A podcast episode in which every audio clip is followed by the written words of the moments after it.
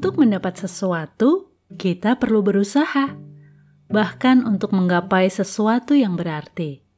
Kita perlu berjuang, sungguh-sungguh mengupayakannya. Sebaliknya, jika usaha kita kurang atau bahkan tidak ada, dengan demikian kita tidak menganggap itu penting. Kita pun tak bisa memaksakan seseorang menganggap sesuatu itu penting selama kesadaran itu belum ada.